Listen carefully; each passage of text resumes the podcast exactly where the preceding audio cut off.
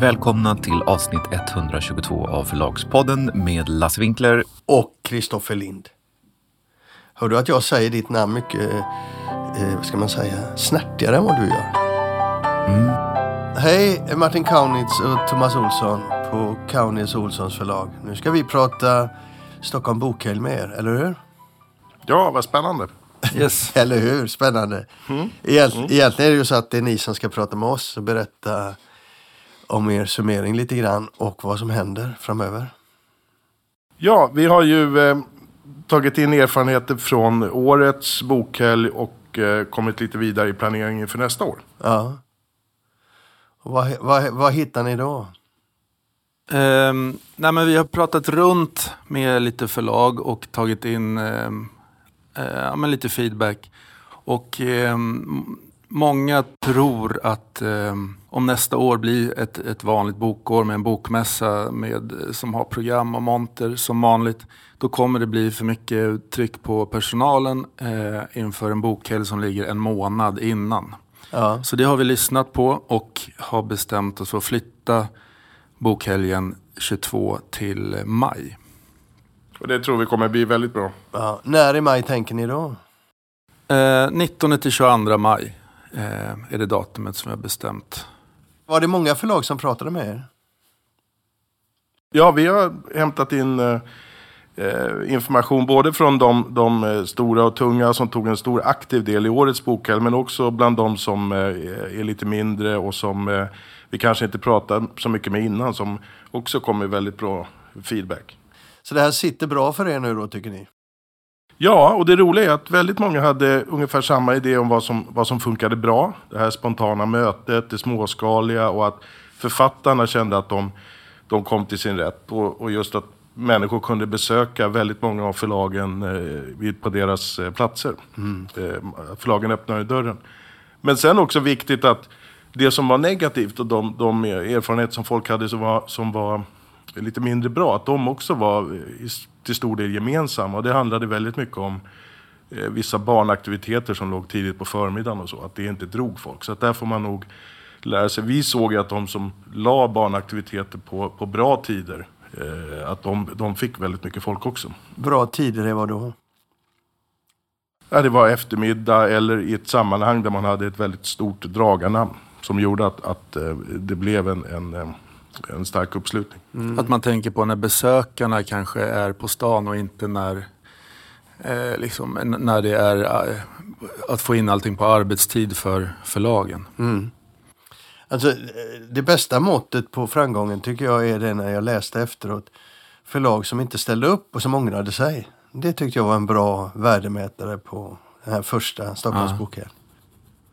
Det vi ska göra till nästa år det är också att göra några fler tydliga hubbar. Att föra ihop eh, st- stora förlag med lite mindre förlag och få den synergieffekten att man mer som vi hade tänkt i år men utöka det. Att man hjälps åt att dra publik till varandra. Okej. Eh, Så det är någonting som vi håller på att jobba med just nu. Och styrningen är som vanligt anarkistisk. Ja, fast det där vill vi nog korrigera lite grann. Att eh, en del har sagt småskaligt, du säger anarkistisk. Eh, Jag tänker bägge de två orden passar ju både in och inte in på den här nya delningsekonomin. Om, om man tar allt från Uber till, till elsparkcyklarna så är det så att med den här nya digitala tekniken så behöver man inte ha någon som sitter och delar ut en elsparkcykel till Kalle vid Slussen och Lisa vid Hornstull. Utan det där sköter man tillsammans. Och det är ju så Stockholms bokhelg är tänkt att fungera. Att vi drar nytta av de stora fördelar som de här digitala systemen ger oss. Nu hängde inte jag riktigt med. Det, det, det blev plötsligt... Eh, eh, växlade upp där tyckte jag lite. Alltså, jag såg ju det här med, med anarkistiskt, så här, var och en bestämmer om de vill vara med, vad de vill göra på den platsen de är. Ingen annan styr det. Och sen så blir det någon slags möte där alla gör sitt bästa och så blir det en fantastisk helg.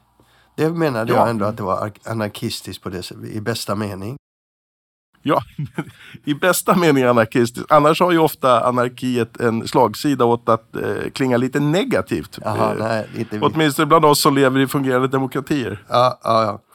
ja, nej, jag tänkte det mer. Ja, men mer- då, menar vi, då menar vi samma sak, för det är precis det att den här eh, sammanlagda kraften när, när, flera drar åt samma håll samtidigt men på olika sätt. Det blir ju en, en väldigt stor effekt utav det. Ja, där finns ju något i det ni har sagt nu som är lite nytt och det här ni, när, ni, när ni fokuserar lite på att större ska hjälpa mindre. Är det något konkret där ni har tänkt er? Nej, men vi fick ju vi fick inför årets eh, bokhelg många frågor från egenutgivare, små förlag som kanske inte satt i Stockholm eller inte hade ett kontor de kunde öppna upp. Och då var det stor efterfrågan på bokbord.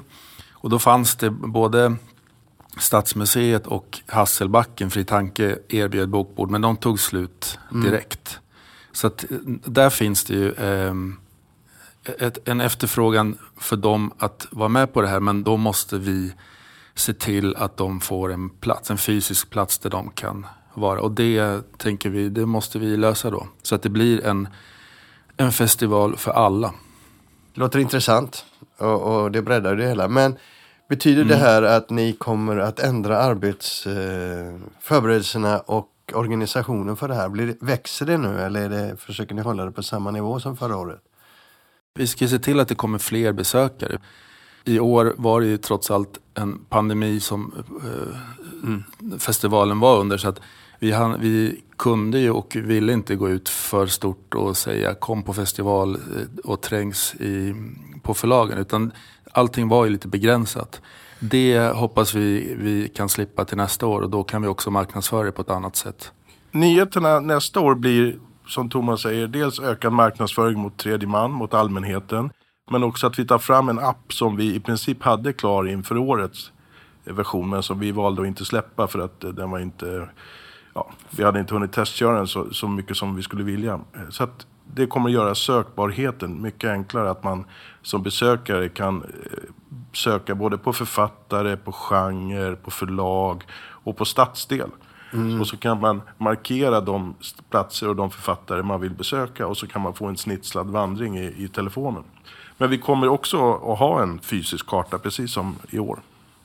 Men, men jag vill se lite mer Edinburgh över det här. Jag vill se lite mer eh, cykelaffärer, lite mer och herrfriseringar och lite mer eh, restauranger som går all in på litteraturen de här dagarna. Fixar ni det? Det, det kommer, det kommer det att bli och, och, vi har fått många signaler från, från eh, arrangörer som, som ligger utanför bokbranschen som gärna vill vara med i det här. Bra mina vänner, ska vi, ska vi eh, stoppa där eller är det något annat som jag borde fråga er om när jag ändå har er på tråden? Men alla som hör det här och känner att de vill delta i Stockholms bokhelg 2022, eh, mejla in till oss. Eh, hör av er eh, med era funderingar, planer, kasta in idéer. Och vi kommer också efter höstlovet nu att gå ut med, med information med, med en tidsplan när anmälan ska vara inne och när programmet ska ta mer konkret form. Och så. Mm. Info snabela stockholmsbokhelg.se Eller via Förlagspodden. Ja, precis.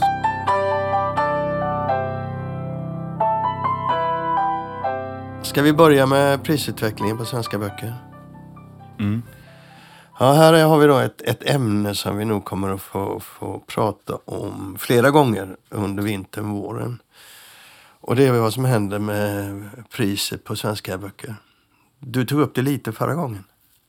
Ja, det var du som frågade mig om vi höjer priserna och jag sa att vi höjer framförallt lite grann höjer vi priserna på, dem, på den del av vår utgivning som har drabbats väldigt mycket av de här prishöjningarna på papper och transporter. Så det är i första hand barnböcker men i övrigt så har vi inte gjort några större prishöjningar. Och då tänkte jag när jag hörde det att jag måste jag ringa runt och kolla hur är det på andra förlag. Och då visade det sig att alla, alla jag pratar med, och det är rätt många, höjer priserna på vårlistan. Mm. De flesta följer också utvecklingen och kan höja ännu mer längre fram. Det där är inte enkelt alltså, att bara höja. Förläggarföreningen har ju tagit kontakt med Kulturrådet därför att de vet ju att eh, Kulturrådet har regelverk när det gäller litteraturstödet där F-priset inte får höjas. För höjs det för mycket så får man inget stöd. Och, och då har de eh, satt sig ner och eh, pratat med Kulturrådet. Och det har inte blivit något beslut ännu men så vitt jag förstod när jag pratade med Kristina Linder så är det positiva samtal om för. De vill ju att Kulturrådet höjer gränsen för eh, F-priset. Att böcker får lov att bli dyrare i den här situationen. Om än tillfälligt. Mm. Det är ju ett, en, ett problem och en aspekt av prishöjningarna men det är ju en ganska liten del av den totala utgivningen som får litteraturstöd. Så är det ju. Det finns ju andra eh, problem och det är ju uh, ut till konsument. Vad kommer att hända? Hur kommer folk att se på det här med, med prishöjningar? Jag vet att du har den tanken att det är så länge sedan vi, eller rätt sagt branschen, höjde priserna. Så det är dags. Ja, eh, alltså precis. Vi, vi har försökt inför det här att försöka hitta någon slags eh, prisindex liksom, där man ser hur böckerna har utvecklats prismässigt kopplat till inflation och allmänt prisökningstakt och sådana saker. Och jag har inga, inga siffror som kan belägga det jag nu påstår men jag tror att böcker har släpat efter jämfört med väldigt många andra produkter och att boken idag är billig, kanske för billig. Vi läste en artikel i The Bookseller där det påstås att eh, priserna på böcker i Storbritannien, alltså retail prices, eh, priserna mot konsument, de ligger idag 10% under priserna 2010. Mm. Det, är över tio, det är över tio år sedan. Och jag tror att det ser ungefär likadant ut i Sverige. Om nu de här prishöjningarna slår igenom, vilket jag tror att de gör, och de kommer i flera, de kommer i flera slag hos många. Alltså först så höjer de nu inför vårlistan men sen måste de höja ändå om papperspriset ökar. För de här höjningarna vi talar om är gjorda alldeles innan de här mm. pappersprishöjningarna och allt det andra kom till. Så det kan bli rätt saftiga höjningar. En aspekt av det där är pocketen. Eh, Bonniers och Norstedts och kanske någon mer har höjt sina priser på pocketen från 38 kronor till 41 kronor. Och det gjorde de innan pappersprishöjningarna. Jag skulle just säga det, alltså, att pocketpriserna har ökat så mycket. De däremot har ju ökat enormt jämfört med andra typer av format. Och det beror ju inte på inflation eller på pappersprisernas ökning utan det beror ju på att förlagen och de ledande förlagen har av olika skäl velat få ut mer av det formatet. Så det, det liksom drivs ju av något annat. Ja, men där är, vi, där, där är det intressant att titta vad som händer då. För det här kan få stora konsekvenser. Om man tittar då på återförsäljare och så pratar man till exempel med Pokershop så sitter de i en rävsax i en sån här situation. De har ju meddelat sedan länge, eh, förlagen, att om de går upp och höjer F-priserna på pocketen, som de har gjort nu, så får, de, får Pokershop problem. De vill inte gå över 100 spänn i utpris till kund, för då tror de att de tappar väldigt mycket trafik. Mm. Och det tänker de hålla och då får ju förlagen istället arbeta med rabatter och marknadsföringsbidrag. Enligt Pokershop så handlar det om priset de får betala när de köper oavsett vad det står för F-pris på dem. Och, och de är också beredda, och de har varit i flera år, eller i alla fall det senaste året varit beredda att avstå från att plocka in titlar om de inte får priser som de kan hålla under 100 kronor för en pocketbok. Mm. Adlibris eh, däremot, de ska ju ha sina marginaler så att de lyfter ju priserna. De, eh, de tar ut de priserna som eh, i relation till sina marginaler. Så de höjer priser i så fall. Men de ligger ju under Pokershop. Så att, eh... Jo, och det där är ju naturligtvis kanalförskjutningen från fysisk handel till näthandel. Det är säkert en förklaring till varför den där engelska siffran eh, sannolikt stämmer. Det vill säga att det är Eh, allt fler böcker har köpts i kanaler där de är billigare prissatta. Men det var också intressant när jag pratade med Adlibris. Det har gått bra för dem såklart i år. Alla säger ju det att eh, fysisk bokhandel tar tillbaka en del. Och de sa att det ser ut ungefär att, att eh, fysisk bokhandel tar tillbaka 3 procent eh, av trafiken. Eh, om de tittar på sina egna siffror. Och det är ju rätt intressant. Vi har en mycket högre procent men det kan bero på att vi väger ganska tungt på barnböcker på papperssidan. Hur ser det ut hos er då? Ja, det har nog legat snarare på 10 procent de senaste månaderna. Tillbaka till, till fysisk butik? Mm. Ja. Eh, finns det mer att säga om prissituationen just nu? Jag tycker att det skulle vara jättejobbigt om pocketen går över 100 spänn. Mentalt alltså. Det vet fasiken jag skulle köpa. Vad, vad tänker du om det? Nej, men jag håller i, i stort sett i princip med om det. Och, och så å ena sidan. Å andra sidan så har ju pocketens, pocketen har ju, har ju befunnit sig i och befinner sig fortfarande i en kris.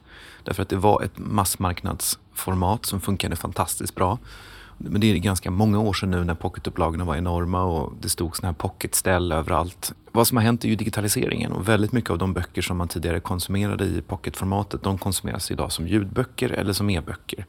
Och här, här har ju liksom pocketen då det har ju hänt någonting då. För att eftersom tidigare kunde man ha en jättestor upplaga och de har upplagorna sjunkit. Idag så trycker vi pocketböcker i så små upplagor som 3000 ex. Och det hade man ju aldrig någonsin gjort tidigare. Nej. Och, och när den där liksom förändringen av pocketformatets eh, liksom livsvillkor eh, förändras så måste också prisbilden kanske förändras. För att det går liksom inte att ha ett massmarknadsformat som inte längre är massmarknadsformat. Och då kan man ju naturligtvis diskutera, behöver vi andra format? Det har vi ältat leda i podden så vi behöver inte ta upp den diskussionen nu. Men, men jag, jag tror att det är fel att höja priserna mer nu. Samtidigt så, så har, håller, har pocketen tappat en väldigt stor del av sitt, sin, sin funktion.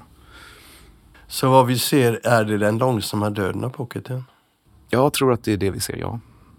Jag tror att det är det vi har sett under en längre tid i och för sig. Det är alldeles uppenbart om man tittar på statistiken att det är det vi ser. Och den, den lär ju påskyndas då, å ena sidan. Å andra sidan kan man ju tänka sig att pocketen försvinner ur massmarknadskanalerna. Men, eh, men eh, det kommer finnas en marknad för dyra eh, pocketböcker. Mm. All right. vi, jag tycker vi släpper det där nu. Vi lär få återkomma till det här. Ja.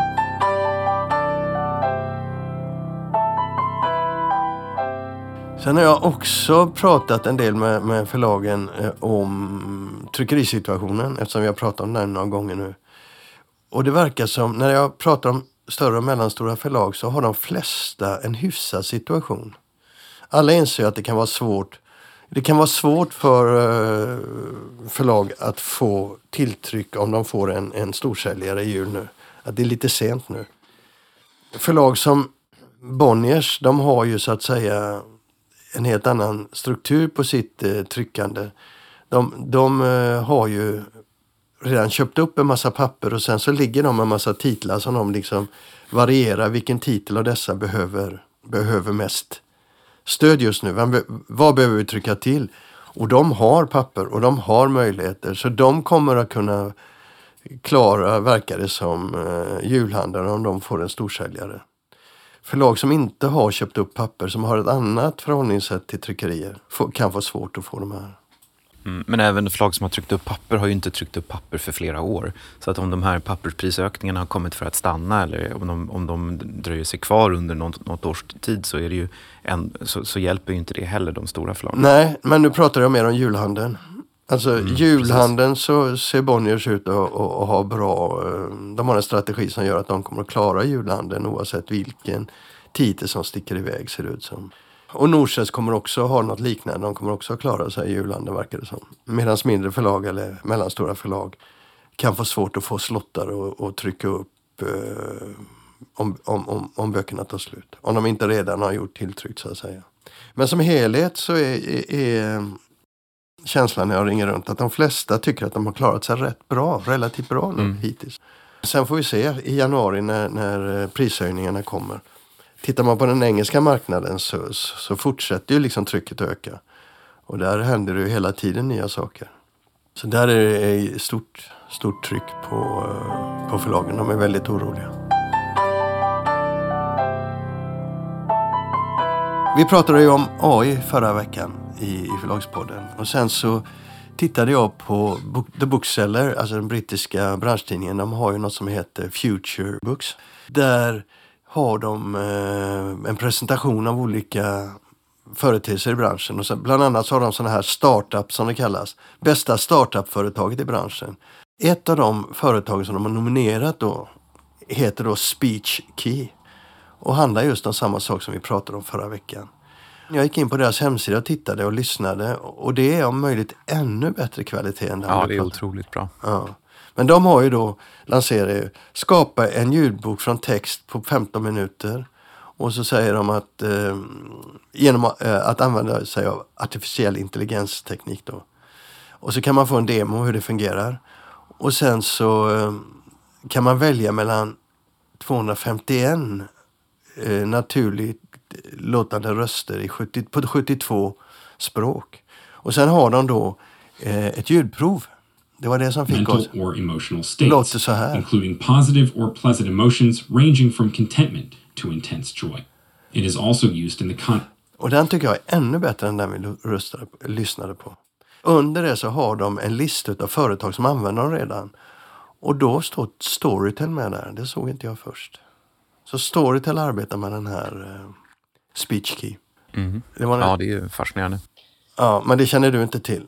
Nej, det känner inte jag till. Nej. Men bara för er som är lite intresserade så säger, så säger jag det att gå in och titta på speechkey.org.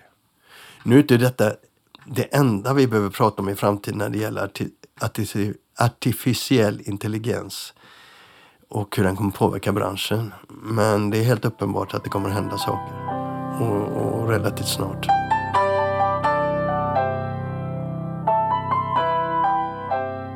Frankfurtmässan är ju ett par veckor sedan. Men de har summerat lite grann sina erfarenheter av de här digitala plattformarna de har jobbat med. Det var rätt intressant. Ja, det var intressant därför vad Jörgen Boss då, som är VD för den eh, tyska bokmässan säger, det är att eh, det har varit väldigt lite trafik till de här digitala plattformarna och de digitala seminarierna och att det är något som de inte kommer kunna jobba med på samma sätt i framtiden. Alltså det digitala ska finnas där men de kommer inte kunna göra allt digitalt och det är den fysiska eh, liksom det fysiska mötet och den fysiska utställningen som är det viktigaste. Och det som är intressant med det är ju att Bokmässan i Sverige har eh, hävdat motsatsen, att det digitala har varit en sån fundamental framgång trots att förlagen inte upplever det. Ja, där är ju inte sista ordet sagt. Jag vet ju att eh, det finns ju en hel del förlag som vill att Bokmässan släpper en del av sina in, inspelningar för marknadsföring i, i julhandeln eftersom de tycker inte att de har fått eh, valuta för pengarna de har satsat. Bokmässan i Göteborg har ju svårt att hantera den här frågan för deras ägare vill nog inte att man eh, plockar fram de här siffrorna ordentligt. Det tror jag inte. De gör det i alla fall inte. Medan eh, Frankfurtmässan säger det att eh, de tänker eh, inte satsa på samma sätt på digital plattform längre, precis som du säger. Det enda som drar, säger de, det är om det verkligen är någonting eh, tittarna behöver eller att det är så tillräckligt hög kvalitet och, och stora namn. Annars fungerar det inte. Så att eh, det var ord och inga visor tyckte jag. Och det behövde sägas i Sverige också.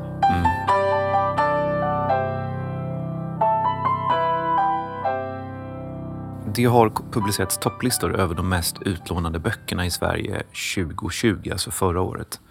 Och på den skönlitterära listan så eh, det, var, det är ju naturligtvis inte några överraskningar, men det som jag tyckte var ändå ögonfallande på den, på den svenska skönlitterära listan, det var att först på 18 plats kommer en man och det är eh, Niklas Natt och Dag.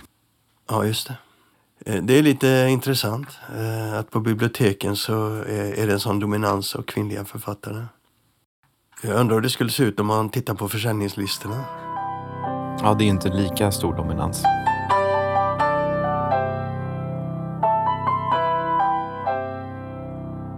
Det var allt för avsnitt 122. Vi hörs om en vecka. Ja, Bra. Hej då! hej då!